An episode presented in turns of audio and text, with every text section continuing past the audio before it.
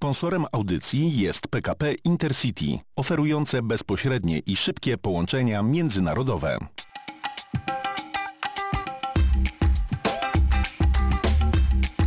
Audycja pod różna.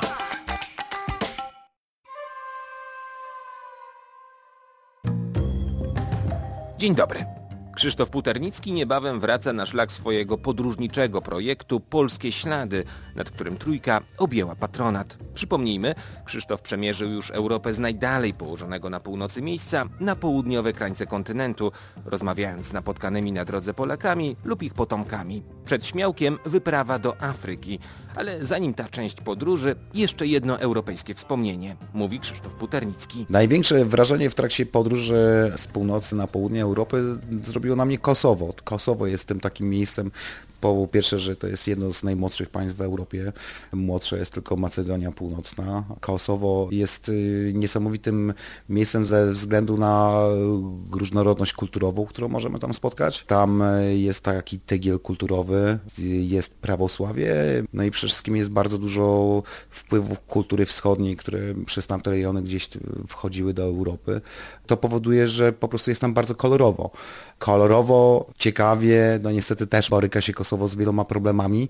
No i miałem okazję przebywać tam e, przez trzy dni z żołnierzami kworu, którzy robią tam bardzo fajną robotę. Polakami. Tak, tak, y, to są polscy żołnierze i Polacy są postrzegani najlepiej z tych wszystkich nacji, które są tam obecne, ze względu na to, że mam wrażenie, że ten nasz wschodnioeuropejski duch jest najbardziej zbliżony mentalnie do mieszkańców tego Kosowa i my się po prostu z nimi najlepiej dogadujemy, tak? Kolejne miejsce, które zdaje się zrobiło na tobie duże wrażenie, to Białoruś. No tak, Białoruś, na temat Białorusi rozmawialiśmy kiedyś, ale warto wspomnieć o tym, że to jest dosyć e, niesamowite, że na Białorusi bardzo przyjemnie się w ogóle jeździ samochodem.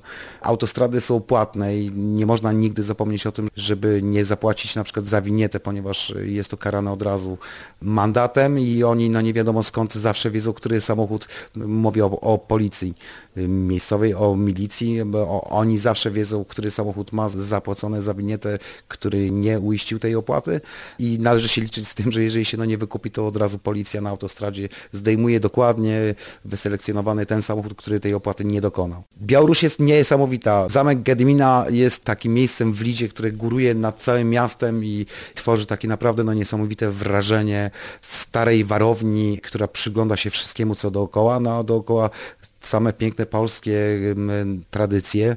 O Rotmistrzu Pileckim, między innymi, e, którym mieszkał nieopodal Lidy, będzie można posłuchać tej opowieści i zobaczyć relacje z mojej podróży już e, w najbliższą sobotę o godzinie 12 na antenie pierwszego programu telewizji polskiej. Ty przygotowujesz się już do kolejnego etapu Twojej wyprawy, czyli Afryka. Powiedz w pięciu słowach, jak to będzie wyglądało, kiedy to się wszystko zacznie. No to się zacznie e, już pod koniec lutego Samochód na mnie czeka tam, gdzie go zostawiłem, czyli nieopodal Gibraltaru w Maladze. Stoi w serwisie, przeszedł cały przegląd, wymieniłem tam lampę, koła już są zmienione, zawieszenie jest zmodyfikowane na Afrykę. Ja już też za nim tęsknię trochę, już się no nie mogę doczekać, aż wsiądę i, i wjadę do mojej ukochanej Afryki. Audycja pod różna. I jeszcze wiadomości ze świata podróży. Brytyjski The Guardian ogłosił listę 12 najbardziej interesujących muzeów w Europie. Na drugim miejscu znalazło się warszawskie Muzeum Neonów, które zajmuje się dokumentacją i ochroną polskich reklam świetlnych powstałych po II wojnie światowej. Dodajmy, stała kolekcja muzeum składa się z około 100 starych neonów, a także innych instalacji reklamowych. The Guardian wyróżnił też m.in. Wiedeński Dom Muzyki czy Narodowe Muzeum Islandii. Z kolei New York Times docenił Kraków i umieścił stolicę Małopolski na liście 52 miejsc do zobaczenia w 2020 roku i to na wysokim 14 miejscu. Eksperci dziennika, wymieniając atuty miasta, zwrócili uwagę na niezniszczoną w czasie II wojny światowej architekturę, bogate życie uniwersyteckie oraz kulturę. Nowa Zelandia wprowadza nowy, nieobowiązkowy na razie przedmiot do szkół. Dzieci w wieku od 11 do 15 lat będą uczyć się o zmianach klimatycznych. Jak tłumaczył w rozmowie z mediami minister do spraw zmian klimatu Nowej Zelandii, o takie zajęcia prosili sami uczniowie, przytłoczeni informacjami o groźnych zjawiskach wywołanych zmieniającym się klimatem. Podobne lekcje już wprowadziła część szkół w Wielkiej Brytanii. Podróżna powróci. Marcin Pośpiech, do usłyszenia.